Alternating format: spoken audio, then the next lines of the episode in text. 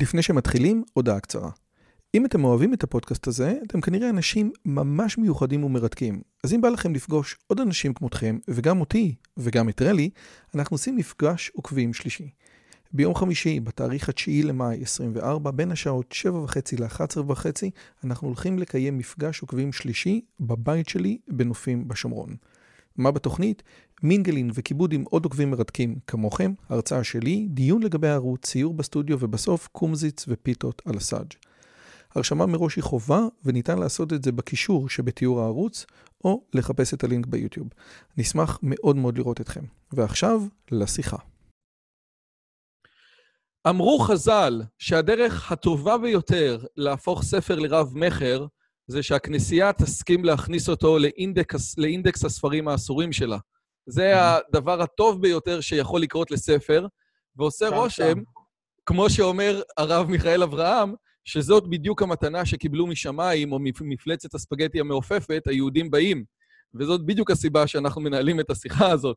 שלום לכולם וברוכים הבאים לערוץ שלי, ערוץ שמדבר על השכלה, אינטליגנציה וגם איך לגרום לכם להיות יותר סאטיריים בשיחת הסלון הבאה שלכם. אם עוד לא הצטרפתם, אתם מוזמנים גם להצטרף. אני מזכיר שהספר הצלחה בלימודים הולך להיות מוכן לתחילת הש... שנת הבחינות. אז מי שרוצה מוזמן.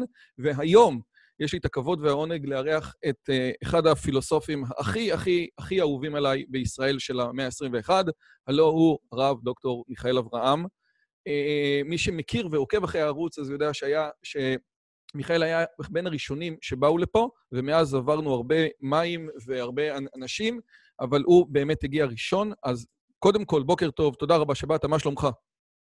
אני מצוין, אני שמח לשמוע שהערוץ מתפתח.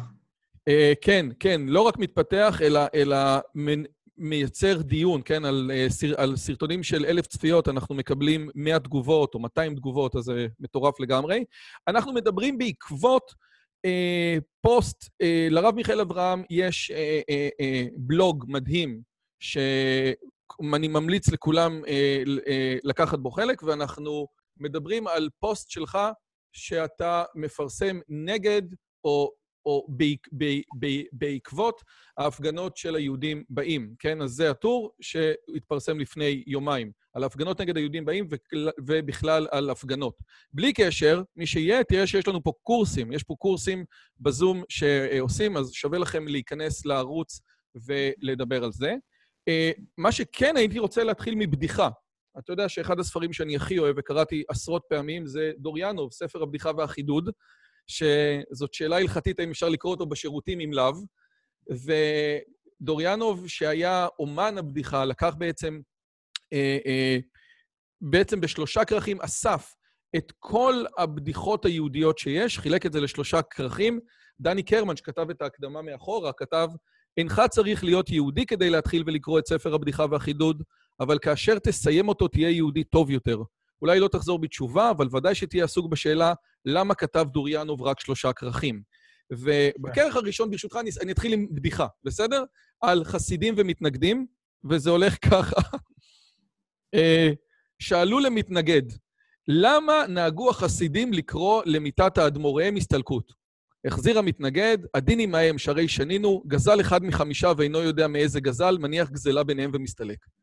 אז בדיחה נהדרת, ובעצם עושה רושם שדוריאנוב לא השאיר פה שום פרה קדושה. והשאלה שלי, האם הוא לא השאיר פרה קדושה כי הוא היה חילוני, או כי תכלס הוא בסך הכל אסף בדיחות שחסידים סיפרו על מתנגדים ומתנגדים סיפרו על חסידים? או ששתי התשובות נכונות. Uh, השאלה אם הוא צריך להיות חילוני בשביל זה, לא האם הוא היה חילוני. האם הוא היה חילוני זו שאלה היסטורית שפחות מעניינת, השאלה אם בשביל לכתוב דבר כזה צריך להיות חילוני. וכאן uh, תפיסתי שלא. אני חושב שאנשים uh, מחברים בצורה שלדעתי לא מבוססת ולא משכנעת, uh, בין uh, היותך אדם מאמין או מחויב לתורה ומצוות וליהדות, לבין שאלת הרגש הדתי שלך. אני באופן עקבי בכמה וכמה פוסטים ומקומות כתבתי שבעיניי הרגש הוא דבר אה, חסר חשיבות בדרך כלל, בטח אה, חשיבות עצמאית, לפעמים זה איזשהו אמצעי לחוש את הזולת וכולי, אז כן, זה, זה נותן איזה שהם כלים אה, לתפוס ממדים מסוימים, אבל הוא לא דבר שניתן לתת לו איזשהו ערך בפני עצמו. ולכן אנשים אני, תחושתי, שבעיקר סביב ההפגנות האלה והמחאות על יהודים באים, תחושתי שיש אנשים שמרגישים שהם לא יהודים מספיק טובים אם הם לא מתקוממים. ולכן הרבה פעמים ההפגנות האלה איכשהו בונות את עצמן. זאת אומרת, אחרי שאתה מודיע לכל האנשים, תראו, פגעו בקודשי האומה, ואדם אומר לעצמו, רגע, אבל אני בפנים לא מרגיש כלום, דווקא צחקתי והיה נחמד. אה, ואז הוא אומר, רגע, זה אומר שיש משהו פגום באמונתי. כי הרי אמונה חייבת להיות מחוברת לרגש חזק, כידוע רבותינו, שם שם, ואם זה לא ככה, אז אני חייב, אחרי המעשים נמשכים הלבבות. אז אני חייב להגיע להפגנה, למחות, לזעוק, ואז אולי גם יתעורר אצלי רגש, ה... רגש הפגיעה הבריא. אני כופר בזה. זאת אומרת, אני חושב שאני מוכן להתלוצץ על כל הדברים הכי קדושים בשבילי, אין לי שום בעיה עם זה, כל עוד ההומור הוא טוב. מה שקצת קשה לי להגיד על התוכנית הזאת, בעיניי לא כל כך מצא חן ההומור שלהם, אבל זה דיון אחר. אז אני רוצה רגע לחלק בין שני דברים, שזה חלק, כאילו, בין בעצם שלושה דברים שאתה אומר בתוך המאמר שלך. הדבר אחד זה הרעיון של רחובה של עיר, כן? זאת אומרת, החשיבות של הפגנות כמשהו שפונה כלפי פנים ולא כלפי חוץ. הדבר השני זה הרגש הדתי, שאולי ראוי לייחד לו שיחה נפרדת. אני רק אגיד לכם שבליסט של המרואיינים שלי, אני כל הזמן כתוב, מיכאל אברהם, תיאולוגיה רזה. ו- ו- ו- אבל אנחנו נגיע לזה. אנחנו נגיע לשיחה על תיאולוגיה רזה בכלל. זאת אומרת, הרעיון הזה שאמונה באלוהים או פרקטיקה דתית, כן? היא לא מחייבת רגש, זה משהו שהוא מאוד counter intuitive להרבה מאוד אה, אנשים, בוודאי במאה ה-21, אבל אני רוצה להגיע אולי להתחלה של הרעיון הזה, ואני פשוט אצטט מדברים שאתה כותב, ואני חושב שיש בזה דברים חשובים מאוד, כי אני הייתי בין האנשים שהסתכלו על היהודים באים, אני חשבתי שיש שם דברים מאוד משעשעים. המערכון על אסתר, כן? שהיא אומרת לו, אה, שהיא בעצם אומרת לו שאם אתה רוצה שאני אלך לאמן, אז אני אה, זונה, ואז יתחפשו לאסתר, אז יתחפשו לזונות רק בתיכון. אני חושב שזאת אמירה נהדרת על מה שקורה בבתי הספר בישראל. אני חושב שיש שם אמירות באמת יפות. הרעיון שהמהר"ל מאיר את הגולם ואומר לו, תגן עלינו, אנחנו עם הנבחר, אז הגולם, הגולם אומר, אם אנחנו עם הנבחר, אז למה אלוהים, אז למה כולם שונאים אותנו, כן? יש פה באמת איזה שהן אובזרבציות מאוד מאוד מאוד יפות, אבל אתה בעצם אומר את הדברים הבאים, כן?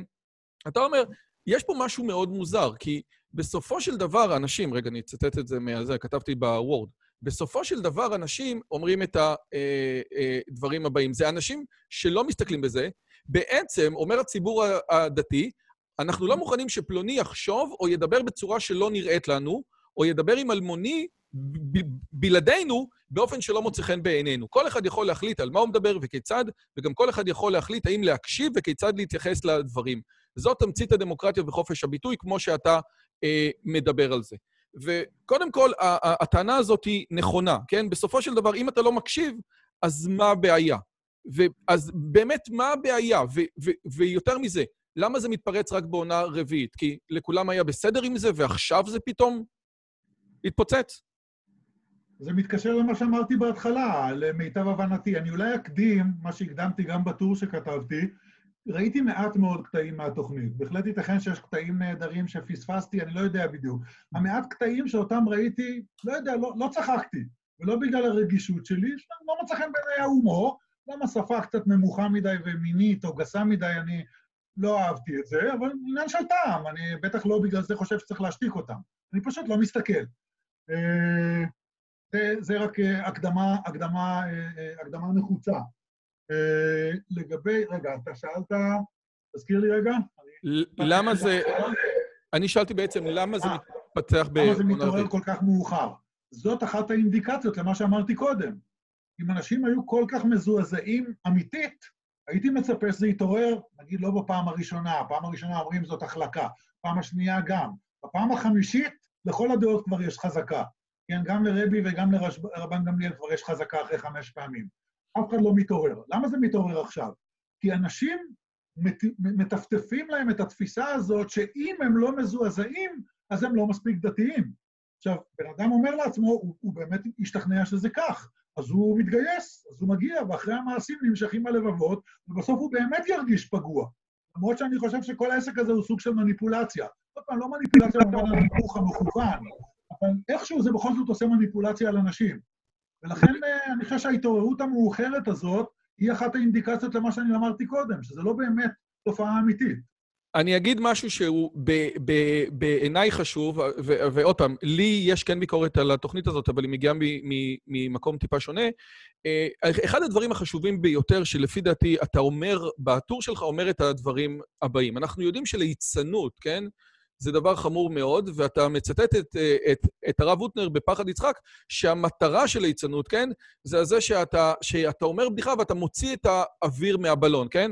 זאת אומרת, יש איזה משהו, יש איזה משהו עם פתוס מאוד גדול, ואז אתה עושה ממנו צחוק, ואז כל הרגש, או, או, או, או אגב, שיש בזה רגש ודאי, אתה בעצם אה, לא מחשיב את מה שראוי להיות חשוב. ולכן, כלפי עובדי עבודה זרה, זה בדיוק ראוי לעשות, כן? מי שמכיר את הסיפור של אה, אליהו ונביאי הבעל, ודאי שיש פה איזה משהו, הוא, הוא אומר להם, תצעקו יותר חזק, בואו נראה, אולי תשימו פחות מים, יותר מים. הוא באמת מלגלג עליהם. ו- ו- ו- וזה בסדר, כי עבודה זרה זה להחשיב את מה שלא ראוי להיות חשוב, והליצנות בעצם מוריד אותו לגודל הראוי לה. ופה אתה אומר כזה דבר, מבחינת היוצרים, או מבחינת חלק מתוך התרבות החילונית העכשווית, הדת בדיוק ככה. הדת בדיוק ככה. זאת אומרת, היא משהו שהוא מאוד ישן, כן, אני זה. אה, היינו בטח, טה-טה-טה-טה, אה, האמונה היהודית והערכים שמועברים במסורת שלנו הם משהו מעוות לדידם. היא מחנכת לשוביניזם, פגיעה, אפליה, אלימות, עונשי גוף ומוות, יחס לא נאות לגויים, משטר מלוכני וכן הלאה וכן הלאה. ובסופו של דבר, מה אתם רוצים? עכשיו, השאלה היא כזאת, ברור לגמרי ש... שלשיטתם, או שלשיטת מי שרואה את הדברים האלה, זה בסדר. אבל גם הרב הוטנר אומר, רגע, ליצנות אסור. האם יש פה איזו שיטה פלורליסטית כזאת, שכל מי שרואה במשהו שהוא לא חשוב, חשיבות, אז צריכים להשתמש בליצנות, או שיש איזשהו קריטריון אובייקטיבי שיש דברים שהם חשובים באמת. כי אה, עושה רושם ממה שאתה אומר, שזה כל אחד בעיניו, מה שחשוב ומה לא. שתי, שתי, מבחינתי שתי התשובות נכונות גם לשאלה הזאת, כמו אשתו של השופט. זאת אומרת, בסופו של דבר, הרי אני לא מדבר על השאלה אם אני מסכים איתם. אני רחוק מפלורליזם כי רחוק מזרח ממערב. נכון מאוד. חשבתי נגד פלורליזם, אני מתנגד לפלורליזם, שזו תפיסה אה, אה, אה, לא עקבית בכלל, לא רק לא נכונה. אני ממליץ לכולם על הספר אמת ולא יציב, שחלק גם מהטרילוגיה, אבל אמת ולא יציב עסק רק כמעט בשאלה הזאת. כן. אלא מאי? אני אומר, כשאני מבקר אותם, לא, אז לא, אם, אני, אם השאלה אם אני מסכים איתם, לא, אני לא מסכים איתם, אני מתייחס לאישי התנ"ך אחרת. מבחינתי הם לא מעבירים דברים מעוותים, אם כי יש במסורת שלנו לא מעט דברים מעוותים שמגיעים אלינו, ואני שותף לחלק מהביקורת, אבל הביקורת עליהם בעבר היא אנכרוניזם. כי הם פעלו בסביבה שלהם, ולכן כתבתי את הטרילוגיה שלי כדי להגיד מה אנחנו אמורים לעשות עם זה היום. אין לי שום עניין לבקר אותם שם, זה לא הנקודה. אז לעניין תוכן הביקורת אני לא מסכים, באופן עקרוני. אבל מה לזה ול, ולגינוי מוסרי? כשאתה מגנה מישהו מוסרית, זה ודאי שאתה צריך לשפוט אותו לשיטתו. זה לא שייך לפלורליזם. זאת אומרת, אם מישהו חושב שתפיסה מסוימת היא מעוותת, אמיתית, זה מה שהוא באמת חושב, שהוא מלגלג עליה, אתה תגיד שהוא רשע? ממש לא. זה לא קשור, מה זה קשור לפלורליזם? הוא לא רשע בגלל שרשע פירושו לנהוג באופן שאתה מבין שהוא לא בסדר. אבל הוא לשיטתו מבין שהוא כן בסדר. לא בגלל שהוא צודק, הוא טועה, אבל הוא לא רשע. יש הבדל בין שני הדברים, ולכן אני פלורליסט במובן החברתי. זאת אומרת, אני חושב שנכון וחשוב מאוד לאפשר לכל אחד להביע את דעתו. זה לא סובלנות? זה, אני, סליחה שאתה אומר, הרי אתה מבדיל בין סובלנות, שזאת אמירה ערכית, ובין פלורליזם, שזאת אמירה אונתולוגית. אז בעצם אתה אומר, אני סובלן, עד שאלה לא יבינו אה, ש, שבעצם שלמה, שיוסף הוא לא היה גייז, אז שיעשו את מה שהוא רוצה. אני בן אדם סובלני. אבל נכון, נכון זה, זה, זאת ההבחנה שאתה עכשיו מדבר עליה? זה, זה, זה כמעט זאת ההבחנה. זאת אומרת, יש... Uh, הסובלנות היא, היא, היא ניסיון להכיל את האחר, פה אני אומר יותר מזה. זאת אומרת, אני, אני, אני, אני עומד על זכותו לבטא את זה, אני לא רק מאפשר לו, אני רוצה שהוא יעשה את זה. בגלל לטובת, וזה מה שקראתי פתיחות, שזה המשך של הסובלנות באותו מאמר, כי, כי אני חושב שככה יכול להתנהל שיח. אם אני לא מאפשר לבן אדם לבטא עמדה רק בגלל שאני לא מסכים איתו, אז, אז איך בדיוק אנחנו ננהל שיח? לי מותר, ל... שלא לדבר על זה שאנחנו כמובן מרשים לעצמנו ללגלג על כל מי שלא מסכים איתנו, כי עובדי עבודה זרה יש לנו את רבי יצחק קוטנר ואת הגמרא שמתירים לנו. למה? כי אנחנו צודקים. אבל הם, שאנחנו כאילו העובדי עבודה זרה מבחינתם, הם אסור ללגלג עלינו כי זה מעליב אותנו, זה לא יפה. ולנו מותר לכפות עליהם את העמדות שלנו, בשם אותו תנ"ך שעליו הם מלגלגים. ולהם אסור אפילו לצחוק על התנ"ך הזה שבשמו כופים עליהם כל מיני דברים. פה יש משהו מעוות, לא בגלל שאני פלורליסט ואני חושב שכולם צודקים, אלא בגלל ששיפוט מוסרי, גם לדעה הלא פלורליסטית, צריך להיעשות על בסיס השקפתו של מי שאני שופט אותו. אני דיברתי עם סטיבן איקס... לסתום לו את הפה. אני דיברתי עם סטיבן איקס בשבוע שעבר, ואחד הדברים שעלה לגבי הפוליטיקלי קורקט, אז הוא אמר שני דברים, כאילו, העליתי שתי, שתי טענות. אחד זה תיאוריית כדור הארץ השטוח, והשני זה הכחשת שואה. שאלה, אלה שני דברים מאוד שונים. עכשיו, תמיד אנשים שואלים אותי מה אני חושב על כדור הארץ השטוח, ואני אומר שהדוקטורט שלי עסק ב-GPS, אז אני ממש מושקע בכדור הארץ עגול, אז אין לי שום אינטרס, כן?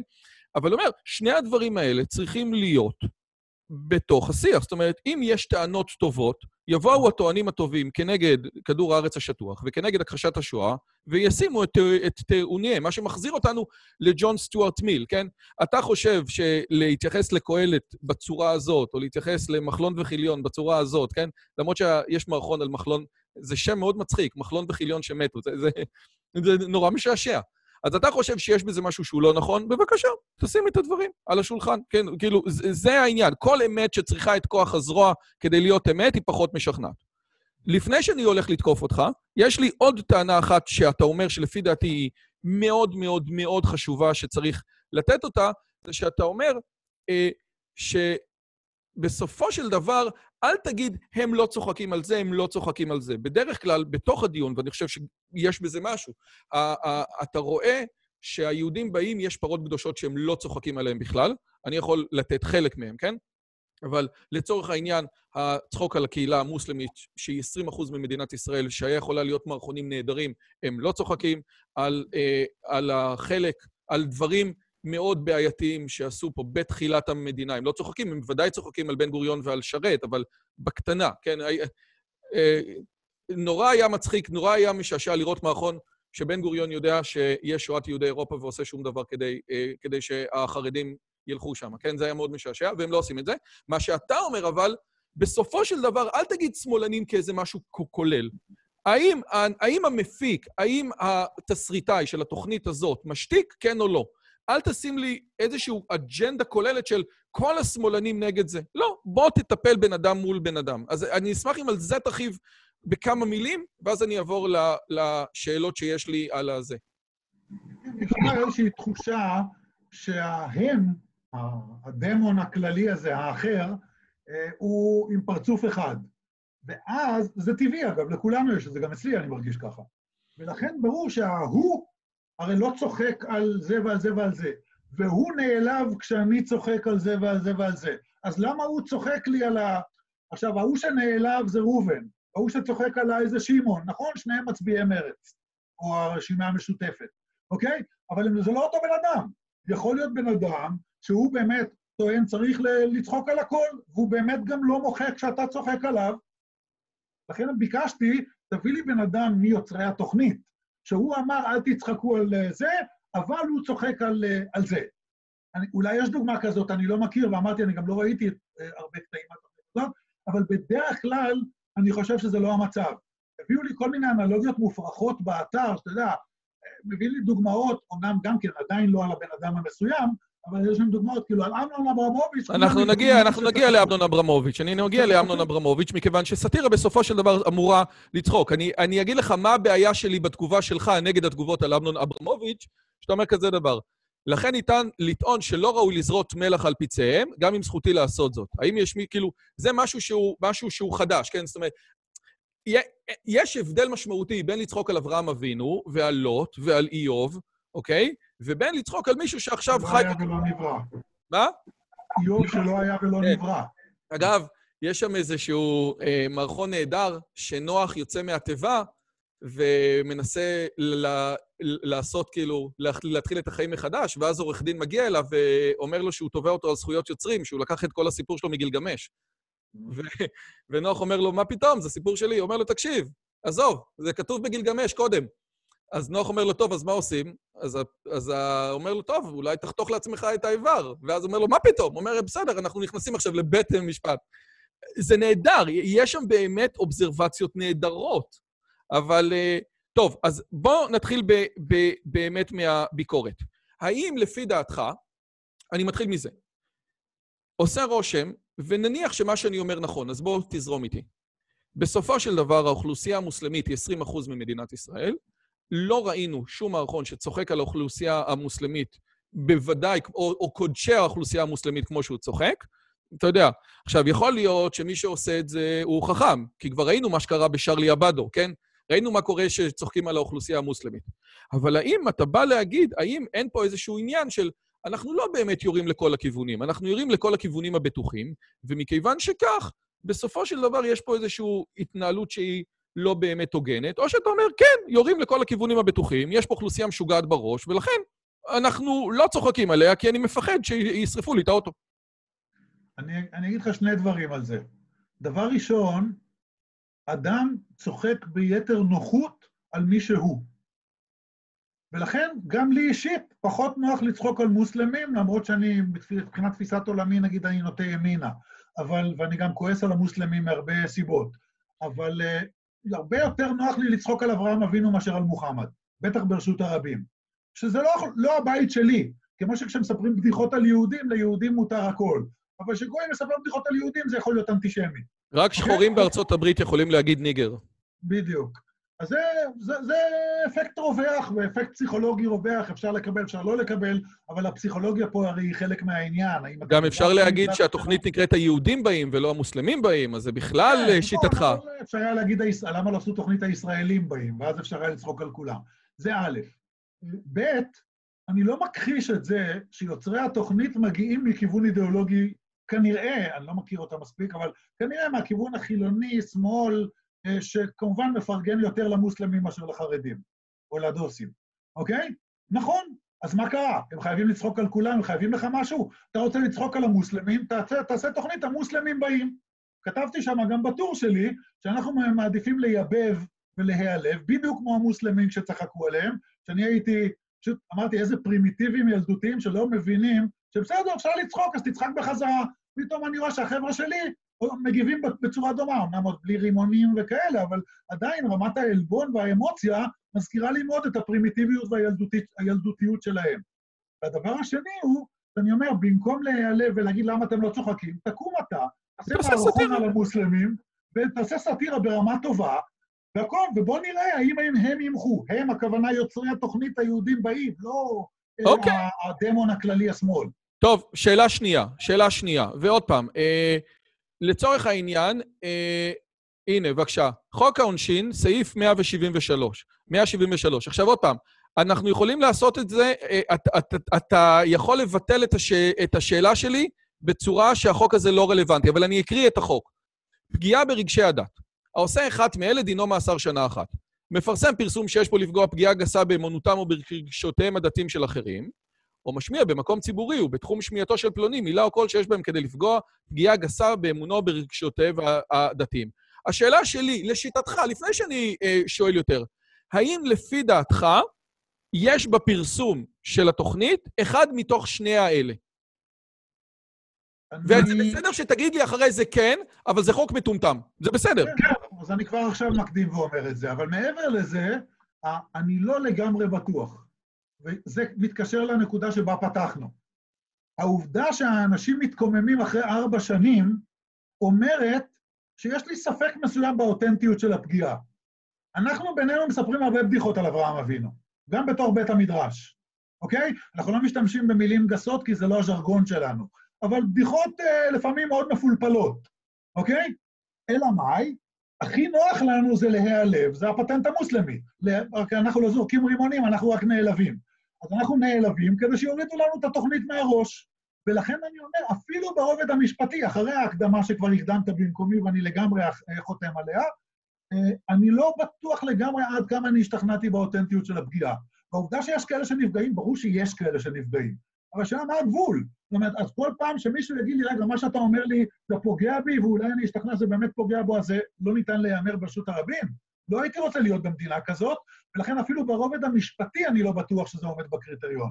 שלא לדבר על דעתי על החוק הזה בכלל. אז אתה בעצם אומר, אז אני בעצם כאילו מרים לך להנחתה, כאשר בית המשפט מרשיע את טטיאנה סוסקין, מפיצת כרוז החזיר בחברון, הוא עושה את זה מיד. מה? הוא עושה את זה מיד. לא, אז ראה, לא, אבל שנייה, אז, אז, אז יש פה שני דברים.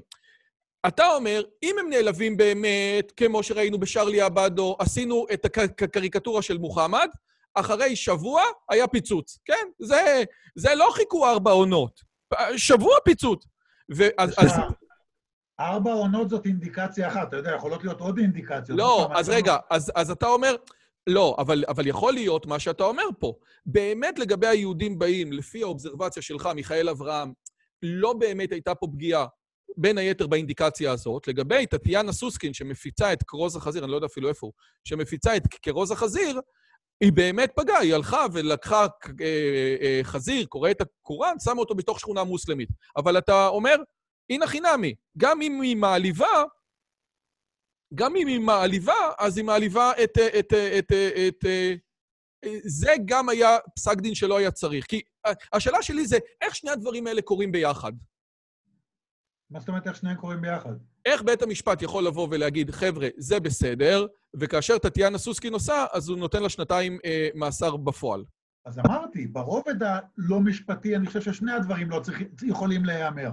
ברובד המשפטי נטו, ואני לא משפטן, אבל ברובד המשפטי נטו, יכול להיות שבית, לא יודע אם זה בית המשפט, זה הגיע כבר לערכאות הדבר הזה? אני לא יודע אם יש החלטה של בית משפט על זה.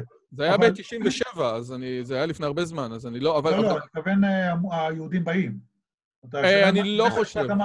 לא, אני לא חושב. אם בית המשפט, נגיד, היה אומר, אפשר לשדר את היהודים באים, יכול להיות שיש לזה הצדקה משפטית למרות ההרשעה של טטיאנה סוסקין, בגלל שבית המשפט לא השתכנע שהעלבון הוא עלבון אותנטי. הרבה פעמים אתה משתמש בעלבון כמניפולציה. אתה משתמש בעלבון כמניפולציה כדי להשיג הישגים, הרי אנחנו יודעים את זה גם ביחס בין אישי. בן אדם חלש הרבה פעמים משיג את ההישגים שלו עם פסיב אגרסיב. הוא פשוט נעלב, כי הוא לא יודע להחזיר מכות. אז הוא נעלב. אנחנו לא יודעים הרי לעשות סאטירה ברמה טובה, זה משתפר בשנים האחרונות, אנחנו עדיין לא שם. אז אנחנו מעדיפים להיעלב כדי להילחם, כי זה הכלי שיש לנו. ואני אומר ש... וזה חלק מהביקורת שלי גם על החוק, כי החוק, חוץ מזה שהוא לא בסדר כשלעצמו, הוא גם מאפשר מניפולציות. עכשיו לך תדע אם השופט יהיה פסיכולוג מספיק טוב כדי לאתר מניפולציות, ועד כמה כולם יסכימו, האם יש פה או אין פה מניפולציה, וזה הופך להיות סובייקטיבי, ואז תלוי מי השופט, והפסק דין תלוי במי מרכיב את, את, את, את הרכב בית המשפט. כל העסק הזה לא הגיוני. כמו שאיסור הכחשת שואה, אני, אני בעד חופש מוחלט. רק דברים, כמובן, שמביאים לאיזושהי אלימות מאוד קרובה, או משהו כזה. כל השאר, תבלע את הרוק, אתה בן אדם מבוגר, ואם אתה נעלב, תטמון את האף שלך במטפחת, כמו עזר ויצמן והדוד שלו. שחיים ויצמן, אה, לא, שוויצמן, נכון? אמר שהמקום היחידי שאני יכול לדחוף את האף בתור נשיא ישראל זה למטפחת שלי. אה, כן. אז אוקיי, אז, אז, אז אני חושב שמפה אני רוצה אולי להגיע לשאלה שהיא הכי משמעותית בעיניי. בסופו של דבר, החוק הזה, הוא נועד לייצר איזושהי סולידריות חברתית. עכשיו, אתה מתייחס גם למה שאברי גלעד אומר, ועוד פעם, זה לא תורה משמיים, אבל, אבל, אבל אני רוצה לגעת בנקודה הזאת. והוא אומר כזה דבר. אה, הוא אומר, איפה הוא אומר את זה? פה. כאשר אנחנו מגיעים למרחב הציבורי, יש כללים אחרים. עכשיו, אתה מדבר על, ה, על הרעיון הזה, ועוד מעט אני אגיע, שאל תיתנו את ה... את ה, את ה, את ה אל תשתמשו בקלף של כסף ציבורי, כי הקלף של כסף ציבורי יבוא אה, נגדכם. אין רשות להשתמש... אם תגיד שאין רשות להשתמש בכסף למטרות שפוגעות בקבוצה כלשהי בציבור, באותה מידה אנשים חילוניים יתמרמרו על זה, על תוכניות שמנסות קשר, אה, לייצר קשר להיסטוריה לארץ. והדבר האחרון שאתה אומר, אם רוצים לעשות רק דברים שבקונצנזיוס, מגיעים למדינה ללא תרבות ממלכתית, ובעצם ללא שום תכנים, מה שקרוי דמוקרטיה רזה, ונדמה לי שעסקה כזאת אינה ממש כדאית לחלק מאיתנו, לפחות לחרדים.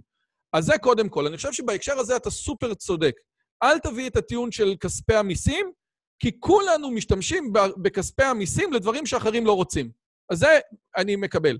אני רוצה... יש מיסים, דרך אגב. בשביל זה יש מיסים. כן. כי, למטרות שכולנו רוצים היינו משלמים גם בלי שיכפו אותנו. מיסים כן. נועדו רק בשביל לקחת ממני כסף למטרות שאני לא מסכים. ועכשיו אני רוצה להוסיף משהו על אברי גלעד פה, ולשאול אותך על איזשהו... כינון של קורפוס לאומי, של ערכים מקודשים, כן? הוא אומר, עכשיו, יכול להיות שהוא לא צודק, והוא מגיע מתוך עמדה אפולוגטית של אני רוצה להיות בסדר עם כולם. אבל הוא אומר, לא עושים מערכון על אלוהים בישראל, כמו שלא עושים מערכון על מוחמד במצרים. אגב, הוא לא כותב כמו שלא עושים מערכון על ישו בארצ... באירופה, כן? או בכל מקום אחר. בעיניי גם לא עושים תוכניות אוכל עם אוכל לא כשר בערוצים מרכזיים, ובטח שלא אוכלים טרפות במשימות בריאליטי. זה לא סתם מגעיל, או, זה מחליש אותם, זה יוצר זרות וניכור, מרחק וכעס, בשביל מה? בשביל עוד מאכל. אז עזוב את הצד האפולוגטי. האם הרעיון הזה של ערכים מקודשים לחברה, או דברים שהם מעבר ל... ל, ל אה, זאת אומרת, האם העובדה ששחיטת פרות קדושות בהגדרה זה לא משהו שמייצר זרות וניכור, מרחק וכעס? זאת, השאלה שלי. קודם כל, עובדתית כן. אני לא יכול להתווכח עם העובדות. עובדתית כן, השאלה רק איך להתמודד עם זה. ובעיניי יש שתי דרכים להתמודד עם זה. דרך אחת זה ללכת על ביצים. זאת אומרת, ללכת על קצות האצבעות, לא לפגוע מה שאברי גלעד מציע. וכמו שאמרתי קודם, אני מויכל טויבס, לא רוצה שירחמו עליי. לא רוצה להיות בפוזיציה הזאת בכלל שאני נזקק לרחמים של אברי גלעד ולסנגוריה של אברי גלעד. אני, תעליבו אותי, תצחקו עליי, תעשו מה שאתם רוצים, אני גם אצחק אם זה יהיה מוצלח. גם אני אצחק עליכם, אותו דבר. זה א'. ב', האפשרות השנייה היא לעבוד על האנשים, להגיד להם, חברים, אנחנו אנשים מבוגרים, יש פה אנשים עם השקפות עולם שונות. אתם רוצים שהם יחביאו אותם? זה יותר מכבד אותך? בעיניי יותר מכבד אותי שאם בן אדם לא מסכים איתי, שיגיד לי את זה על הפרצוף ובאופן בוטה. ועכשיו בואו נתווכח, גם אני אגיד לא. ואם אני אחנך את הציבור, עוד פעם, נשמע קצת אוטופי, אבל אם אני אחנך את הציבור להתייחסות בוגרת, אינטליגנטית יותר, בעיניי זה מרשם לא פחות טוב, ואולי אפילו יותר טוב, לייצר, אה, אה, לא יודע אם אחדות חברתית, אבל איזושהי אפשרות לחיות ביחד. בגלל שאנחנו לא נחביא את חילוקי הדעות האלה, ואם יאסרו על היהודים באים לעשות את זה, זה רק יעורר יותר מרמור וכעס, לא תיצור אחדות אם יוצרי היהודים באים, אם לא תיתן להם לעשות את מה שהם רוצים, כמו שלא תיצור אחדות אם לא תיתן לי לעשות את מה שאני רוצה. אותו דבר. אני בעיניי, אחדות צריכה ל- ל- ל- להיות מיוצרת, או לא אני שונא את המילה אחדות, חיים ביחד. אמורים להיות מיוצרים באופן שאנשים לומדים לחיות עם דברים שהם לא מסכימים איתם, כולל דברים בוטים, וכולל הארץ השטוחה, וכולל הכחשת שואה, מה שאתה רוצה, אף אחד לא יחליט בשבילי מה אני אשמע ומה אני לא אשמע. אני אחליט אם אני רוצה לשמוע, וגם אם אני שומע, אני אחליט אם אני מסכים. ואני גם אחליט אם אני נעלב, דרך אגב. אם אני אעלב, אני אבקש כדור מהרופא.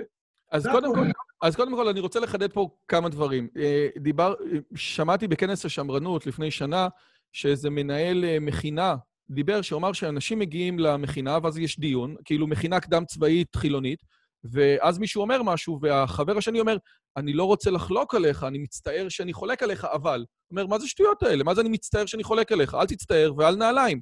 הרעיון הזה שבסופו של דבר האלטרנטיבה זה לא שתסכים, האלטרנטיבה זה שיהיה זעם וכעס מתחת לפני השטח, וזה בסופו של דבר מה שיהיה. אין דרך אחרת, נכון? זה... לא זה, זה... הרמב"ם הרי אומר, לא תשנא את אחיך בלבבך, הוכח תוכיח את עמיתך ולא תישא עליו חטא. הרמב"ם יש לו פירוש מאוד uh, מעניין לצירוף הזה. הוא אומר שההוכח תוכיח מטרתו לא לפתור את בעיית השנאה, או לפתור את בעיית החטא, אלא להוציא את השנאה מבפנים החוצה. לא תשנא את אחיך בלבביך. לכן אתה צריך להוכיח אותו בפה, כדי שזה לא יישמר בפנים ויפעפע בפנים. ובדיוק זה מה שאני אומר כאן. הרי מה שהם חשים כלפי המסורת וכלפיי, זה מה שהם חשים. אם אתה תאסור עליהם, זה רק יתגבר. אני אומר, אם זה מה שאתה חש, שים את זה על השולחן, בוא נדבר. אני אעשה מערכון נגדי, אני אגיד למה אני לא מסכים איתך, מה שאתה רוצה, לא חשוב. אבל הדבר הכי הגיוני זה לאוורר את זה, לתת לזה ונטילציה. איזה מין גישה ילדותית זאת לסתום לשני את הפה אם הוא מעליב אותי, אם הוא מרגיז את זה, כמו בגננת. בגן, אתה הולך לגננת, הוא העליב אותי. אומר לו, נו, נו, נו, אל תעליב אותו. לילדים בני שלוש, אני מבין.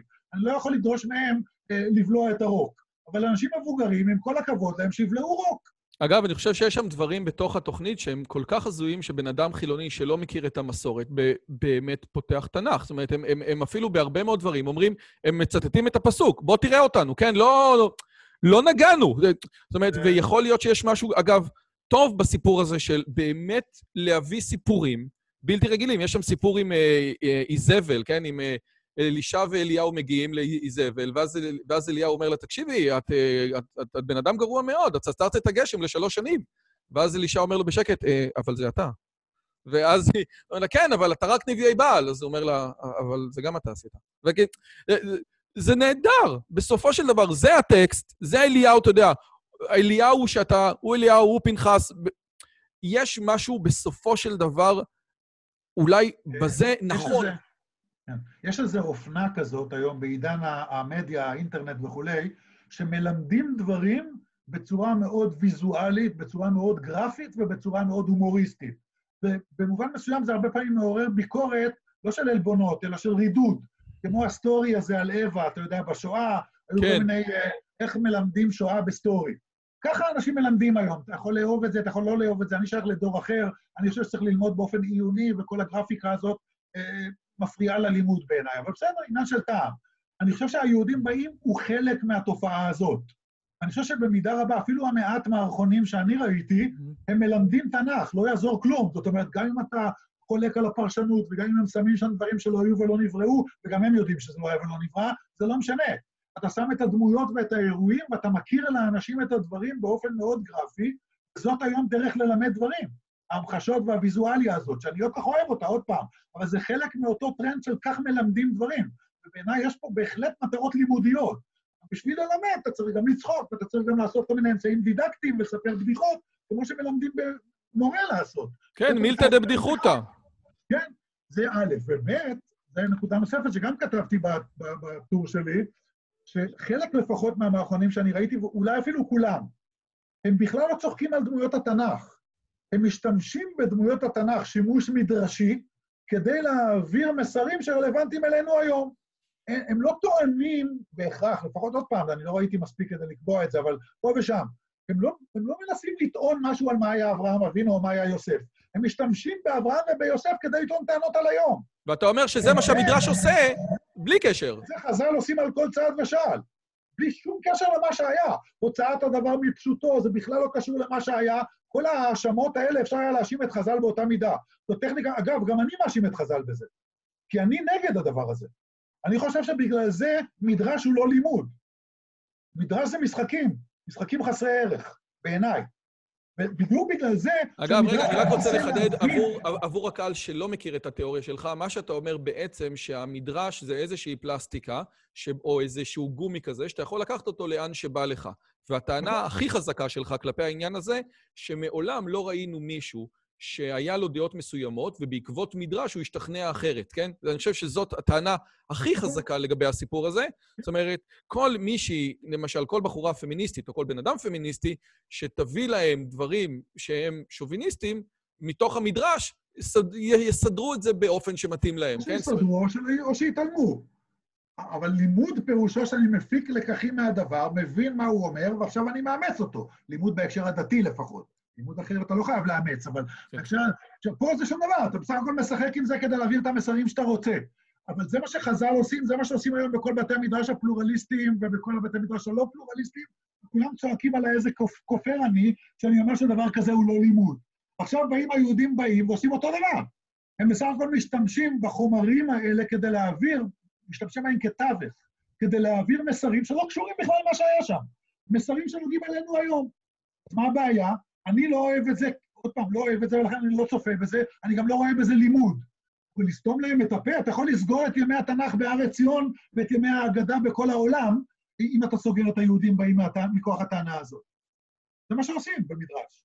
אז עכשיו אני רוצה לשאול אותך אה, עוד שאלה אחת. נניח יבוא בן אדם שהוא בן אדם דתי, שמצד אחד אה, נהנה מאוד מהיהודים באים, או שבוודאי יש שם מערכונים, אני חושב, אני חושב שבעיקר המערכונים התנ"כיים שלהם, זאת ראייה זה עוד פעם, זה להסתכל על המציאות, על, על אותו טקסט שאתה מכיר בצורה של, אה, וואו, מגניב, לא חשבתי על זה ככה.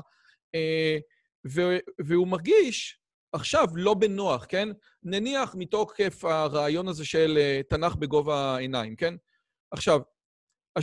זאת שאלה מאוד מעניינת, האם תנ"ך בגובה העיניים עדיף על לא תנ"ך בכלל, אבל הוא פתאום מרגיש איזשהו חוסר כבוד, כן? אז אני לא מדבר על רגש דתי, אז, אז האם אפשר להיות בוא נגיד כזה דבר, האם בן אדם שרואה את היהודים באים, האם זה פוגע לו ביראת השם או ביראת השמיים?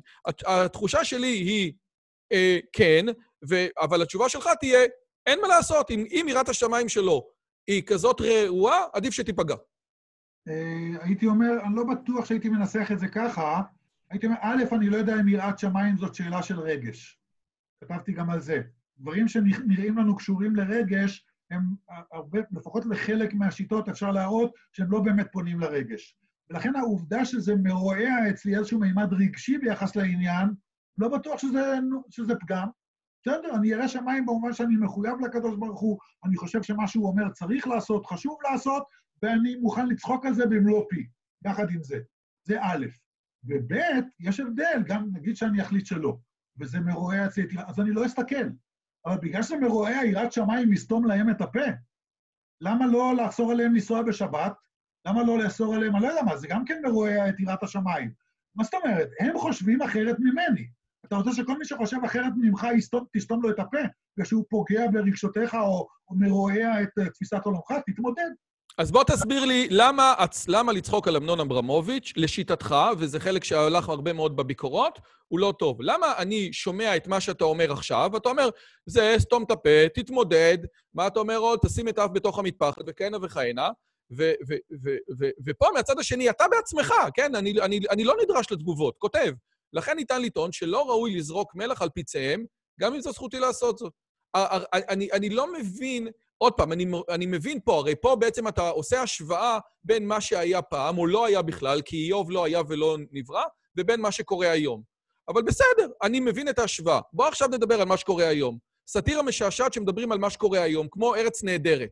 למה ארץ נהדרת שצוחקים על שרה נתניהו זה בסדר, ולצחוק על אמנון אברמוביץ' זה משהו שונה? אני באמת לא מבין. אז, אז אני, אני, אני אגיד לך, קודם כל לא בטוח שזה שונה. קודם כל. דבר שני, אם... אבל אתה, סליחה רגע, אבל אתה מסכים שזה נתפס כשונה בציבוריות הישראלית כן, ובמדיה בצורה בלתי רגילה. תסתכל בקטע שהדגשת קודם, אני הקפדתי לנסח שם, ניתן לטעון. אתה שם לב שככה התחיל המשפט? זה למדן, זה ליטווק אמיתי, רחם השם. לא, לא. אי אפשר להוציא ממנו כלום, לכן ניתן לטעון, אתם רואים? תאמין לי, אתה שועל... לא, לא, לא, אני בכוונה משתמש בביטוי הזה, כי אני מוציא את עצמי מהשאלה האם אני מסכים. אני אומר, פה ניתן לטעון שזה משהו אחר. אני לא בטוח שאני מסכים לזה, אבל אני מבין שיש הבדל. זה, זה פירוש המושג ניתן לטעון. עכשיו, אני אגיד מה ההבדל. ההבדל הוא, כשבן אדם, אה, אה, אה, שני, שני הבדלים. הבדל אחד, זה שכשסאטירה באה להעביר מסר ועושה שימוש בבן אדם, זה אחרת מאשר סתם לצחוק על הבן אדם. אתה נפגש אותו ברחוב, בוא נוריד לו את הבגדים ברחוב. מה רע? בתור סאטירה, אנחנו כולנו צוחקים מזה הרי. אז למה לא נפשיט אותו באמצע הרחוב? כי זה מעליב אותו, וזה לא נושא מסר, שם אפילו אם זה היה נושא מסר, שזה לא בסדר, זה מעליב בן אדם חי שנמצא כאן, ואפילו בלי צורך אה, אה, אה, ערכי או, או, או, או תוכני כלשהו, להעביר דרכו מסר. אז סתם לפגוע באנשים שסבלו, שנמצאים פה, לא אנשים שמרגישים סנטימנטים אל האנשים שסבלו, או אל אברהם אבינו, אלא האנשים האלה עצמם, לצחוק על נכה ברחוב, זה, זה, זה משהו שהוא אחר לחלוטין מאשר ללגלג על אברהם אבינו או לעשות בו שימוש כדי להעביר מסרים חתרניים להיום.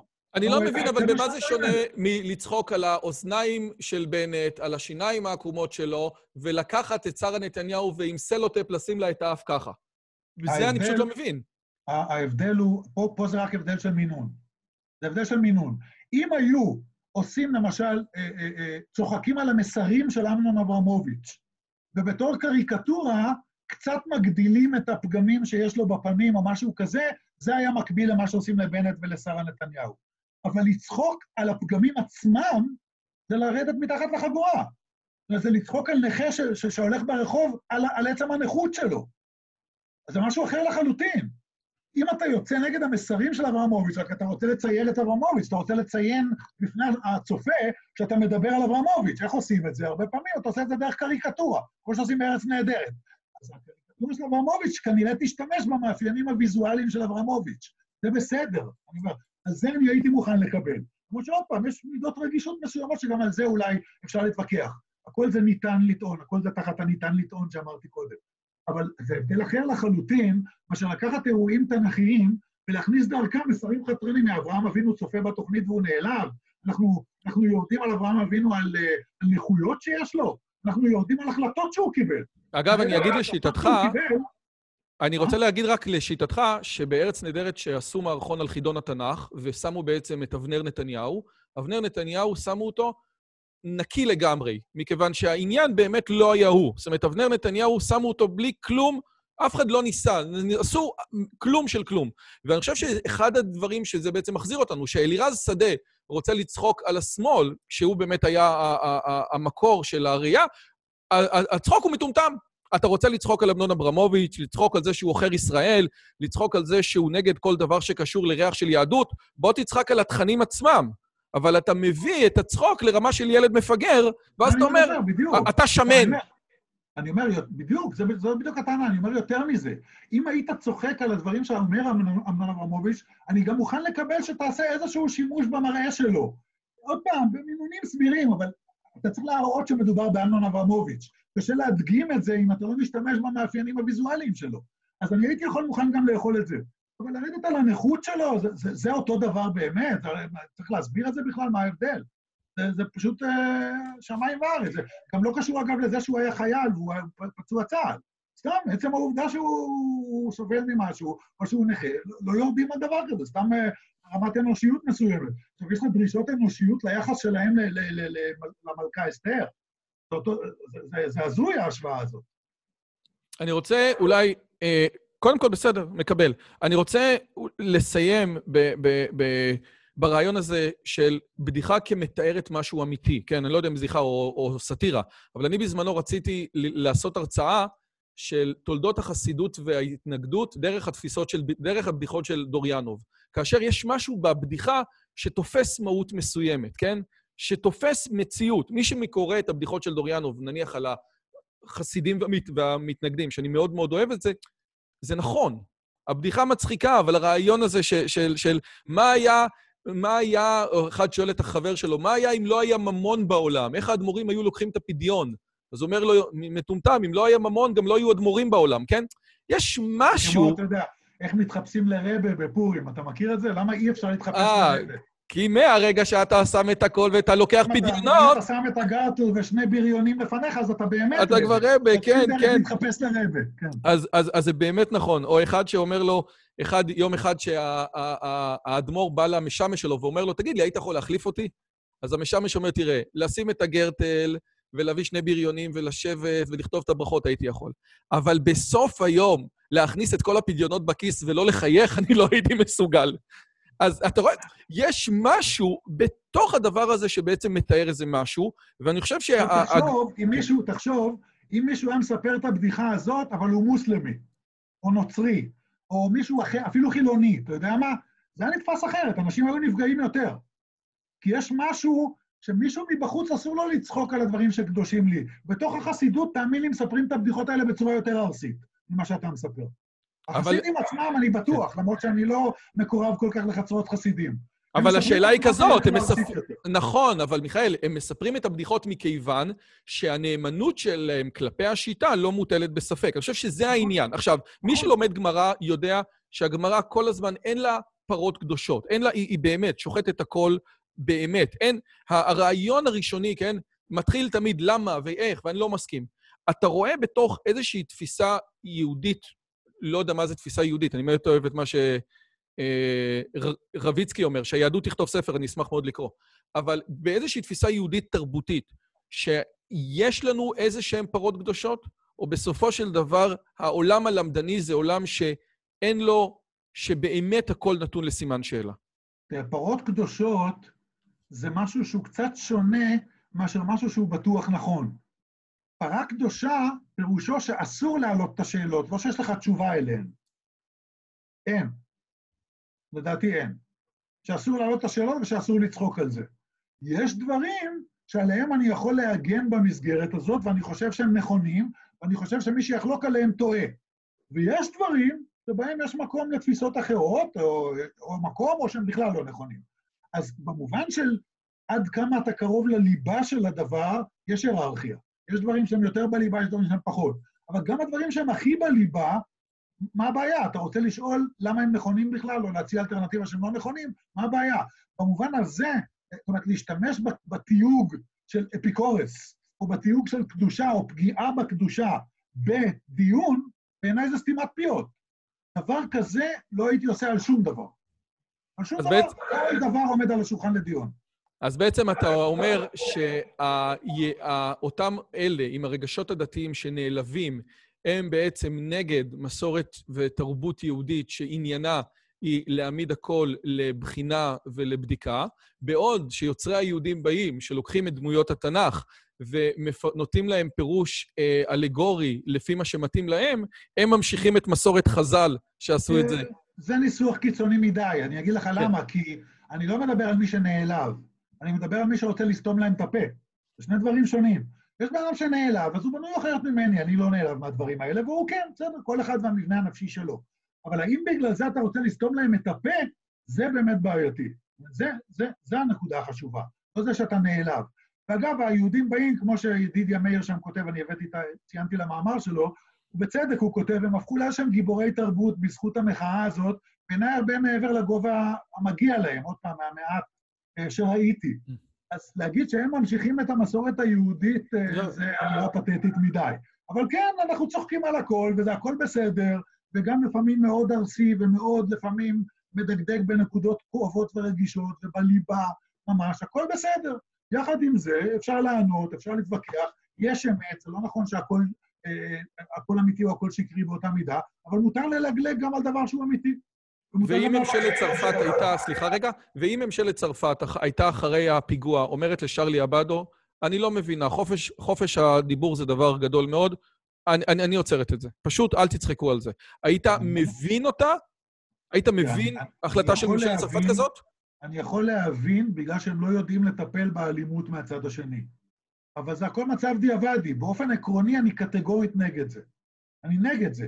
אני נגד הכניעה לכל מיני עלבויות ואלימויות. אגב, אותו דבר עם האינתיפאדה והעלייה להר הבית מצד אחד, ואותו דבר מצד שני עם האונס והלבוש הפרוץ, כן, של נשים, שתמיד האשמת הקורבן במובן הזה, אני חושב שהוא באמת יש לו חלק באשמה לקורבן בהקשרים האלה, למרות שאסור להגיד דברים כאלו היום. זה מצד אחד. מצד שני, בסדר גמור, תתגבר. זאת אומרת, לכל אחד מותר לעשות מה שהוא רוצה, ולשני מותר להיעלב. מה שאסור לעשות זה לא לסתום פיות ולא לנהוג באלימות. אלא מאי? יש, יש אה, אתגרים שממשלה מרגישה שהיא לא יכולה לעמוד בהם. זאת אומרת, אם אתה לא מצליח להשתלט על אלימות למרות שהיא לא מוצדקת, אז אתה צריך למנוע אותו באופן אחר, למרות שהוא לא צודק. אה, ההכרח אה, לפעמים לא יגונה. לפעמים אנחנו עושים את זה קל מדי ומהר מדי, כי נוח לנו לשמור על השלום, במקום להעמיד יותר כוחות משטרה ולדרוש מהמוסלמים או מהדוסים לבלוע את האור ולהתגבר. ואז אנחנו פותרים, בוחרים בפתרון הקל ואנחנו אוסרים את זה. ואני אומר שזה לא, לא בסדר לעשות את זה. או כמו שאומרים, איפה שיש אמת אין שלום, ואיפה שיש שלום, כנראה שלא תמיד יש אמת. ואני חושב שזה בדיוק אמירה שאני לא מסכים לה. איפה שיש אמת, שם יהיה השלום. בסוף. בגלל שאנשים, לא, גם בהתחלה. יש לי שלום מלא עם בן אדם שפוגע בכל קודשיי, אם הוא מוכן להקשיב לי ואני מוכן להקשיב לו, ואף אחד לא סותם לשני את הפה, ואנחנו דנים באמת. זה שלום אמיתי. השלום לא יגיע במקום שבו, דווקא כשהוא יסכים איתי, אם כי אני בעד, ובטח לא כשאני סותם לו את הפה. זה לא שלום, זה טיוח. לא, אני לגמרי, אני פשוט התייחסתי למדרש שאומר שהאמת לא רצתה להיות חלק בעולם, ו- ואני חושב שיש משהו בתוך ה- ה- ה- המדרש הזה שבאמת נוגע באיזושהי נקודה. פסיכולוגית זה נכון. כן. מהותית אני מתנגד. אני מ- מתנגד לחלוטין להנגדה הזאת בין אמת לבין שלום. ממש לא, זה בדיוק הפוך. הלוואי. תקשיב, הרעיון הזה של רגש דתי כדבר שלא מחייב בפרקטיקה של הבן אדם המאמין זה תחום שהוא סופר מעניין, אבל זה לפי דעתי יהיה חייב להיכלל במסגרת השיחה שלנו בעתיד על תיאולוגיה רזה ועל הטרילוגיה. אז אני רוצה להגיד תודה ענקית על זה שאתה מגיע ופורס את הדברים האלה, ובאמת, מי שלא מכיר, מומלץ בחום, גם לבלוג, גם ל... אה, לכל הסרטוני יוטיוב שמעלים על, ה, על הפלורליזם של ההלכה, על לא, יש עכשיו משהו חדש, ה- ה- זה- איך זה נקרא? הפריפריה של ההלכה? אה, סדרה, סדרת שיעורים, כן. הסדרה החדשה, קטגוריות פריפריאליות, כן. קטגוריות אה, פריפריאליות, ובאמת דברים מטורפים. אני חייב לשאול אותך כזה דבר, באמת, וזה מה ששאלתי אותך, אני, בפעם הקודמת אני לא שאלתי אותך, זאת השאלה האחרונה שלי. תקשיב, אני, הערוץ הזה בזמנו עסק בפרודקטיביות. אני מצליח ל... אני, אני מנהל יוטיוב, כן? אז, אז אני, אני יודע כמה זמן לוקח להעלות סרטון. אתה מעלה לפחות פעם בשבוע, אם לא יותר, מאמרים סופר סופר משמעותיים. אשתי בדיוק אמרה לי, תקשיב, אין פה כמעט שגיאות כתיב. זה, זה, זה, זה לא הגיוני. וחוץ מזה, אתה כל כך בוואטסאפ כל הזמן. בוואטסאפ, אתה שלחת לי אימייל ב-4 בבוקר. עכשיו, אני מוכן להבין אנשים שכל כולם בעולמם של המחקר ועושים את זה. ואני מוכן להבין אנשים שמכלים את הזמן בוואטסאפ. וזה בסדר וזה בסדר. אבל השילוב הזה לא מובן לי. אני עכשיו הורדתי את הוואטסאפ. אני לא מצליח. והשאלה שלי, איך זה קורה? יש לך פייסבוק, לי אין פייסבוק. אין לי פייסבוק. אה, אין לך? אין לי פייסבוק, אין לי, אין לי, כן, באמת, הורדתי, עברתי לטלפון כשר, נשבע לך. אוקיי. ולא בגלל שאני דוס, כאילו, אני דוס, אבל לא מזה. זה בזבוז, איך אתה מצליח לענות לי בוואטסאפ מיד, ולשטוח לי מייל ב-4 בבוקר? אני, אני מקלי המקלדת, מה שנקרא. זאת אומרת, זה הולך לי מהר פשוט. זה, זה, זה כל הסוד, אני לא... זה לא יכולות מיוחדות, אלא פשוט גם הדברים מעסיקים אותי, אז זה הולך לי מהר, כי אני, זה כבר מתבשל אצלי הרבה זמן. יש לי כבר דפוסים שאני יודע ליישם אותם על הרבה סוגיות, ואני גם כותב מהר, אני פשוט התרגלתי. כתבתי הרבה, וזה... אני פשוט חייב כבר לנתק פה, כי כן, הגיע אלינו איזשהו טכנאי. תודה רבה רבה, מיכאל אברהם, אנחנו נדבר בעתיד. תודה רבה, כיף גדול. אם הגעתם עד לכאן, מגיע לכם כל הכבוד. אז תנו לי להגיד לכם שלושה דברים קצרים. הדבר הראשון, אם שמעתם משהו בשיחה שמעניין אתכם, שאתם רוצים לקחת הלאה, פשוט ספרו אותו לאנשים אחרים.